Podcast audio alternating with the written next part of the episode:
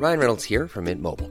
With the price of just about everything going up during inflation, we thought we'd bring our prices down. So to help us, we brought in a reverse auctioneer, which is apparently a thing. Mint Mobile unlimited premium wireless. Ready to get 30, 30, bit to get 30, bit to get 20, 20, 20, bit to get 20, 20, bit to get 15, 15, 15, 15 just 15 bucks a month. So, Give it a try at mintmobile.com slash switch. $45 upfront for three months plus taxes and fees. Promo for new customers for limited time. Unlimited more than 40 gigabytes per month. Slows. Full terms at mintmobile.com.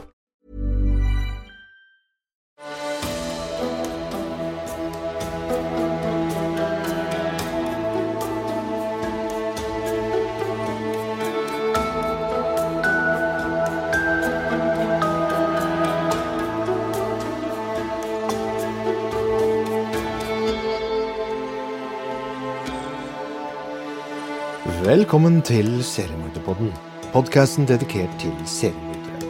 Hvem de var, hva de gjorde og hvordan. Jeg heter Thomas Rosseland Wiborg Tune, og i kveld tar vi for oss, i mine øyne, verdens verste seriemorder. På 1970- og 80-tallet feide en skygge av terror over Syd-Amerika. En mystisk skikkelse, bare kjent som Monsteret fra Andesfjellene, forfulgte unge jenter og etterlot seg død og ødeleggelse i kjølvannet sitt.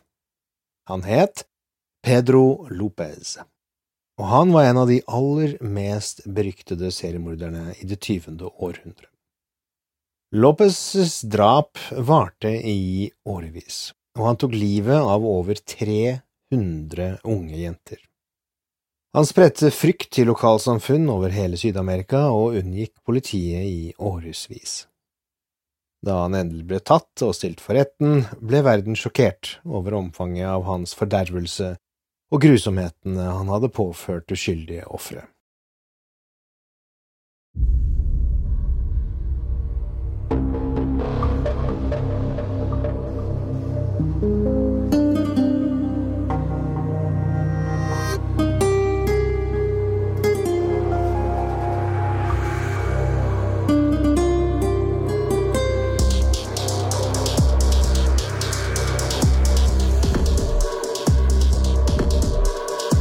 Pedro Alonso Lopez ble født 8. oktober 1948 i Santa Isabel, Colombia. Moren var en prostituert, som etter mannens død flyttet til den lille byen Tolima. Pedro var den syvende av 13 barn, og hadde vokst opp og gjemt seg bak de fillete gardinene i sitt falleferdige hjem mens han så moren sin bli sett på som kun et sexobjekt og at hun ble grovt utnyttet av forskjellige menn hver eneste dag. Det var et liv hvor ingenting var hellig, noe som kanskje fikk åtte år gamle Pedro til å gjøre det utenkelige og begå seksuelle overgrep mot sin egen søster. En handling som førte til at han ble kastet ut av sitt fuktige, skrekkfylte barndomshjem i svært ung alder. Alene og livredd, på en kald natt i 1957 fant åtte år gamle Pedro Lopez seg utvist fra sitt eget hjem, beordret om å aldri komme tilbake. Det var i det øyeblikket at Lopez skjønte hvor lite verdifull han var. Traumer fra barndommen har trolig blitt intensivert i løpet av denne fasen i livet hans. Forvist for seksuelle overgrep mot sin egen søster, gikk Pedro i de mørke gatene i Tolima. Første gang han dro hjem og nektet å holde seg borte, ble hans tilgang nektet. Neste gang han prøvde, forhindret moren ham ikke bare i å bli med i familien igjen, men gikk et skritt videre og slapp ham av ved bygrensen, uten mat, uten husly, ingen støtte og ingen alternativer. Pedro var på sitt mest sårbare, men lykken var i ferd med å endre seg. En stråle av håp kom gående forbi i form av en eldre mann som fant Pedro vandrende rundt i gatene. Mannen stoppet, snakket med ham og bestemte seg til slutt for å hjelpe ham. For Pedro var denne mannen hans sjanse til å klare seg, og enda viktigere, å gjøre ting riktig. Denne mannen lovet mat og husly, og tilbød Pedro en sjanse til synsforlatelse. Det var i hvert fall det lille Pedro trodde.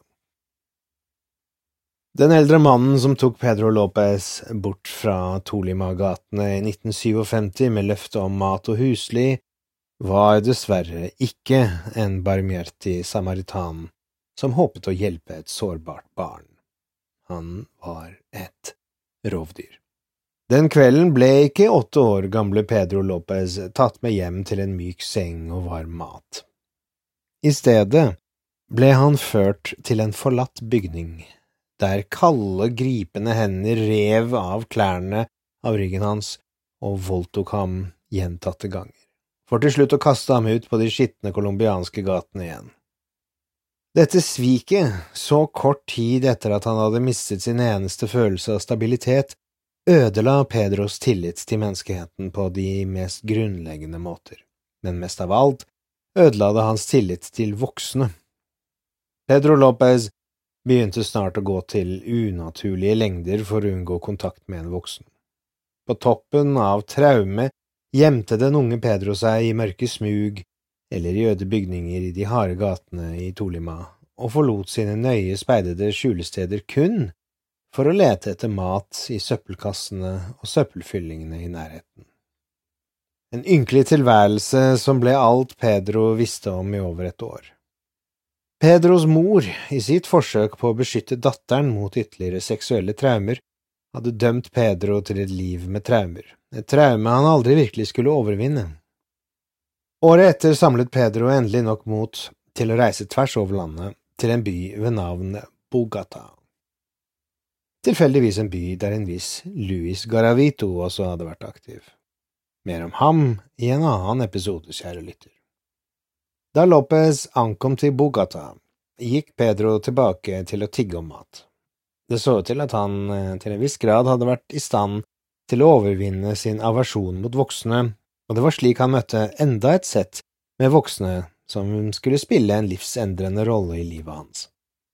Et eldre amerikansk par ble så knust ved synet av det lille barnet som lette etter mat, at de tilbød seg å ta med ham hjem. Pedro innså at han, realistisk sett, nesten ikke hadde andre alternativer, og valgte nok en gang å stole på mennesker, og gikk med dem.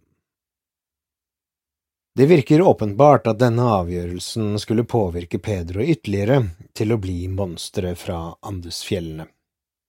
Det var ikke direkte det eldre ekteparets skyld, siden de ikke var annet enn snille mot Pedro, gav ham mat og kost og meldte han inn på en skole for foreldreløse barn.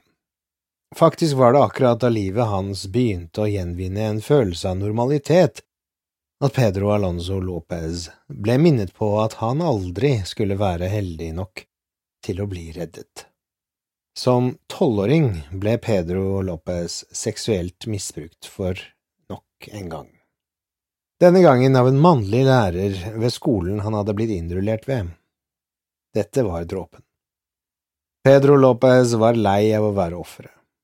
Han begynte å kjenne sinnet vokse inni seg, og ved å bruke all sin tidligere frykt til å kanalisere mot og aggresjon, planla Pedro nøye tyveriet av en stor sum penger fra skolens kontor, og flyktet deretter tilbake til gatene i Colombia, som han nå vurderte som sin eneste trygge havn. Det var nå 1963, og da borgerkrigen nærmet seg slutten, åpnet bedrifter og næringsliv igjen. Dessverre for Pedro var han verken trent eller utdannet nok til å kunne dra nytte av den voksne økonomien. Han tydde i stedet til å tigge mat nok en gang i nesten seks år, og ventet til slutt til småtyveri for å overleve. Pedros første forsøk på tyveri var sannsynligvis en tidlig indikator på hvordan han hadde mistet respekten for begrepene rett og galt. Han gikk snart over til biltyveri som tenåring, og ble imponerende flink til det. Ikke bare ble han godt betalt for tjenestene sine, men også for første gang i livet ble han ettertraktet.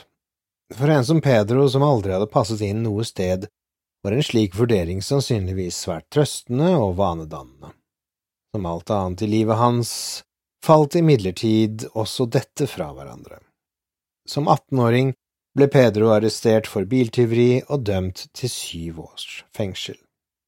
To dager senere ble Pedro gjengvoldtatt av fire voksne innsatte. Han sverget rasende til seg selv at han aldri igjen skulle la overgriperne sine slippe uskadd unna. Pedro brukte de neste to ukene på å lage en kniv ut ifra fengselsredskaper. Deretter jaktet han på de fire angriperne og stakk dem i hjel én etter én. Følelsen av å ta tilbake makten fra sine overgripere var som en rus. En rus han skulle jakte på resten av livet. Overraskende nok ble ikke Pedro dømt for disse drapene. Fengselsmyndighetene, som hadde vært klar over de fire mennene og deres tidligere overgrep på 18-åringen, bestemte seg for å rapportere Pedros handling som en selvforsvarshandling, slik at han kunne slippe unna med bare to år lagt til hans eksisterende dom. Ni år senere, i 1978, ble Pedro Alonso Lopez løslatt fra fengselet. Nå 27 år gammel var Pedro Lopez ikke lenger den unge mannen som en gang hadde tigget etter mat. Hans tidligere erfaringer, i tillegg til å ha tilbrakt sine formative år i fengsel, fikk Pedro til å utvikle en ekstrem antisosial personlighet. Pedro hevdet senere at på grunn av morens misbruk og måten han hadde sett på voksne, fant han det vanskelig å føre en samtale med en voksen kvinne. Han måtte finne et alternativ, og det gjorde han. Pedro Lopez begynte å reise mye gjennom Peru like etter at han ble løslatt fra fengselet. Han innrømmet senere at han i løpet av denne tiden forfulgte og myrdet minst 100 unge jenter fra forskjellige innfødte stammer over hele regionen. Han begynte å innse at yngre kvinner var mer mottagelige for hans begrensede sjarm, og der fant han løsningen på hans problemer med kvinner. I'm Sandra, and I'm just the professional your small business was looking for. But you didn't hire me because you didn't use LinkedIn jobs. LinkedIn has professionals you can't find anywhere else, including those who aren't actively looking for a new job but might be open to the perfect role, like me. In a given month, over 70% of LinkedIn users don't visit other leading job sites. So if you're not looking on LinkedIn, you'll miss out on great candidates like Sandra. Start hiring professionals like a professional. Post your free job on linkedin.com/people today. Hey, I'm Ryan Reynolds. Recently, I asked Mint Mobile's legal team if big wireless companies are allowed to raise prices due to inflation. They said yes. And then when I asked if raising prices technically violates those onerous two-year contracts, they said, "What the f*** are you talking about? You insane Hollywood ass." So to recap, we're cutting the price of Mint Unlimited from $30 a month to just $15 a month. Give it a try at mintmobile.com slash switch. $45 upfront for three months plus taxes and fees. Promo rate for new customers for limited time. Unlimited more than 40 gigabytes per month. Slows. Full terms at mintmobile.com.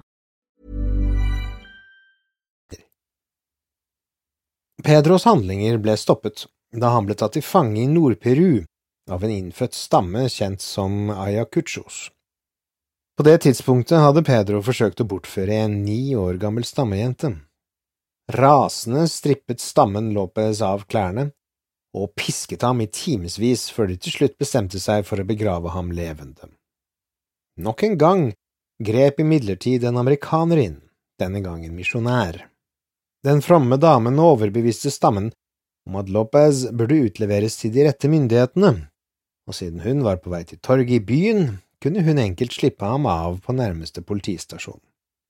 Stammen gikk motvillig med på det og bandt Pedro fast bak på lastebilen hennes.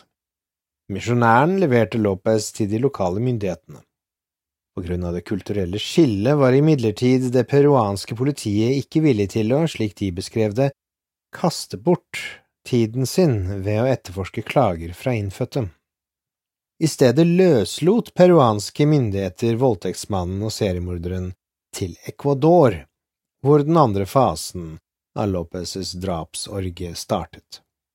Da han fikk tilbake friheten, begynte Lopez å gjøre nøyaktig det samme han hadde gjort da han ble løslatt fra fengselet for første gang. Han reiste mye, lokket unge kvinner og jenter til seg og myrdet dem. Mesteparten av dette skjedde i Colombia. Myndighetene begynte å merke en økning i antall rapporter om savnede personer. På grunn av alderen deres trodde myndighetene først at barna var på flukt, men snart ble det klart at et mønster utviklet seg.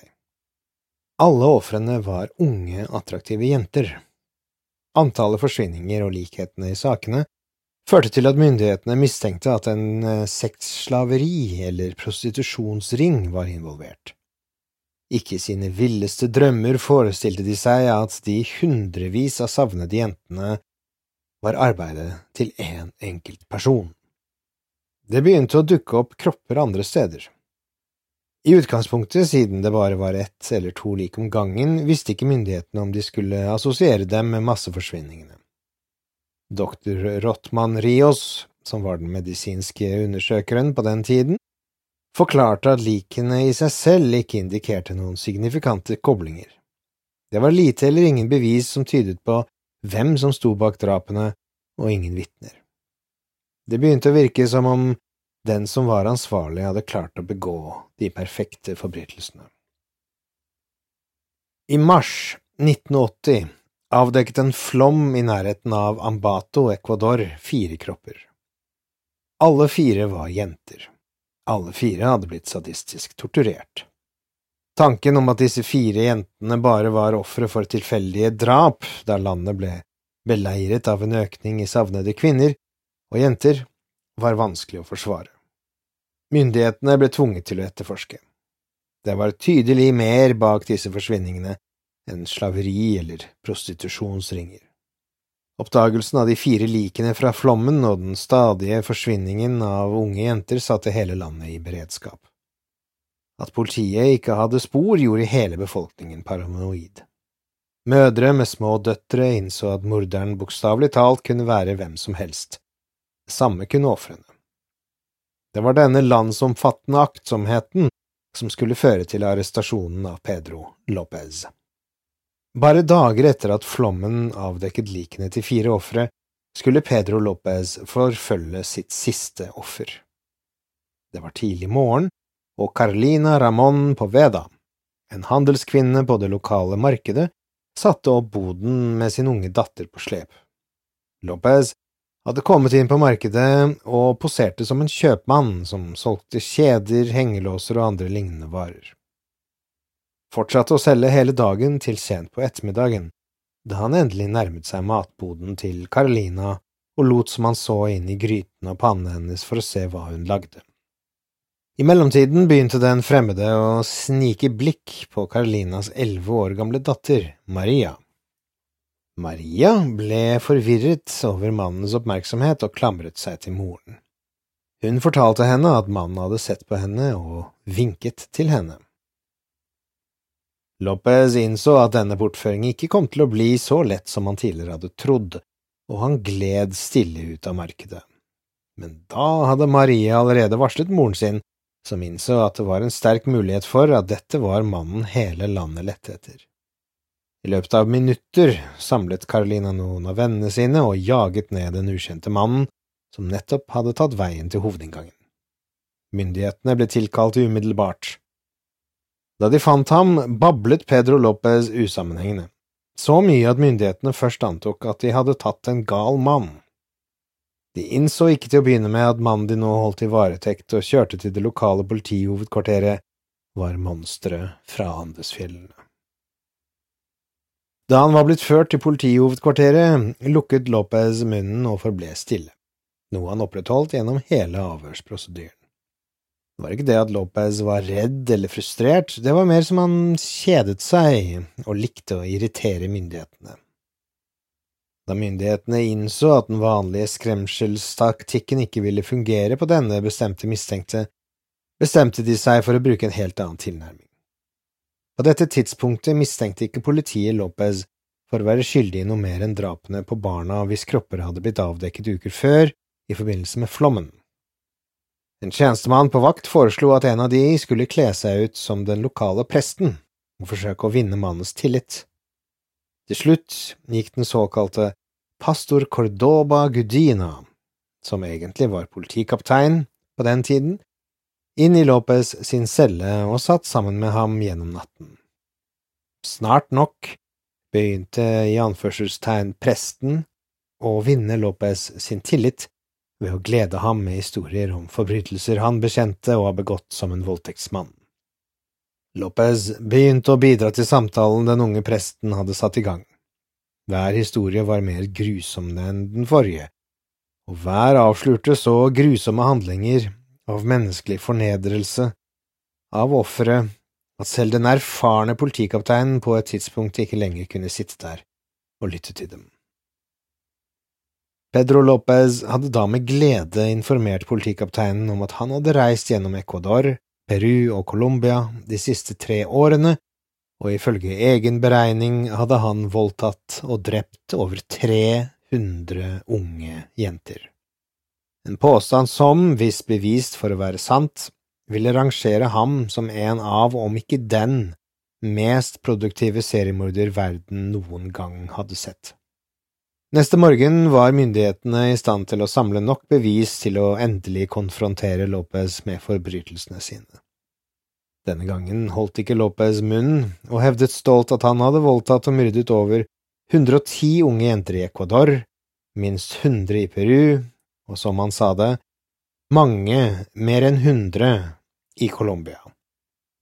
Han fortsatte med å uttale at han bare virkelig likte jentene i Ecuador, og hevdet at deres tillitsfulle natur gjorde dem mer tiltalende, i motsetning til de små jentene i Colombia som ofte var mer skeptiske til fremmede. Det var på dette tidspunktet politiet begynte å kontakte sine kollegaer i nabolandene for å se om det var noen saker som kunne bekrefte påstandene til Lopez. Det gav ingen mening at en seriemorder kunne ha vært aktiv i tre land og likevel forbli helt uoppdaget av myndighetene i dem alle. Lopez likte denne nyvunne oppmerksomheten. Han begynte å snakke om sin egen barndom og de mange måtene samfunnet hadde sviktet ham på. På et tidspunkt pekte han spesifikt på øyeblikket han bestemte seg for å bli en seriemorder. Jeg siterer. Jeg mistet uskylden min i en alder av åtte, så jeg bestemte meg for å gjøre det samme mot så mange unge jenter som jeg kunne. Sitat slutt.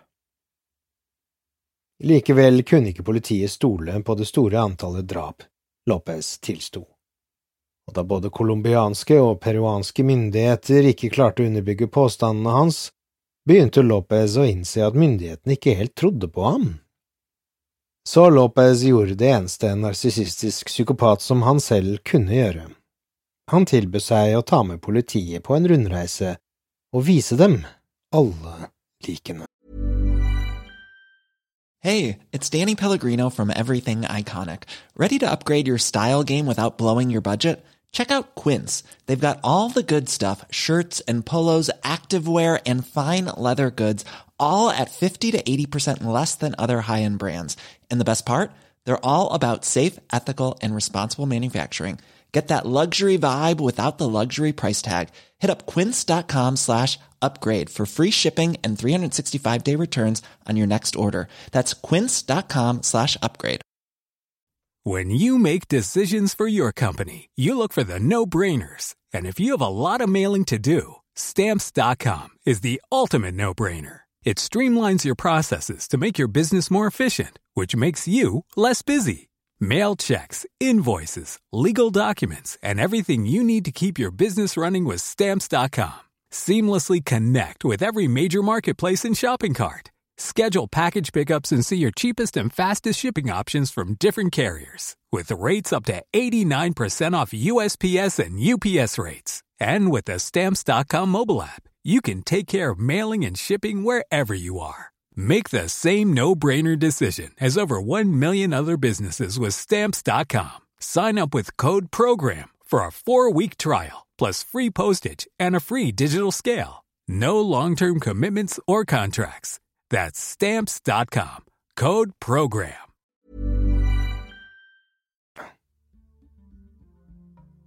Og med det, kjære lytter, kommer vi til slutten av del én i sagaen om Pedro Lopez, monsteret fra Andesfjellene.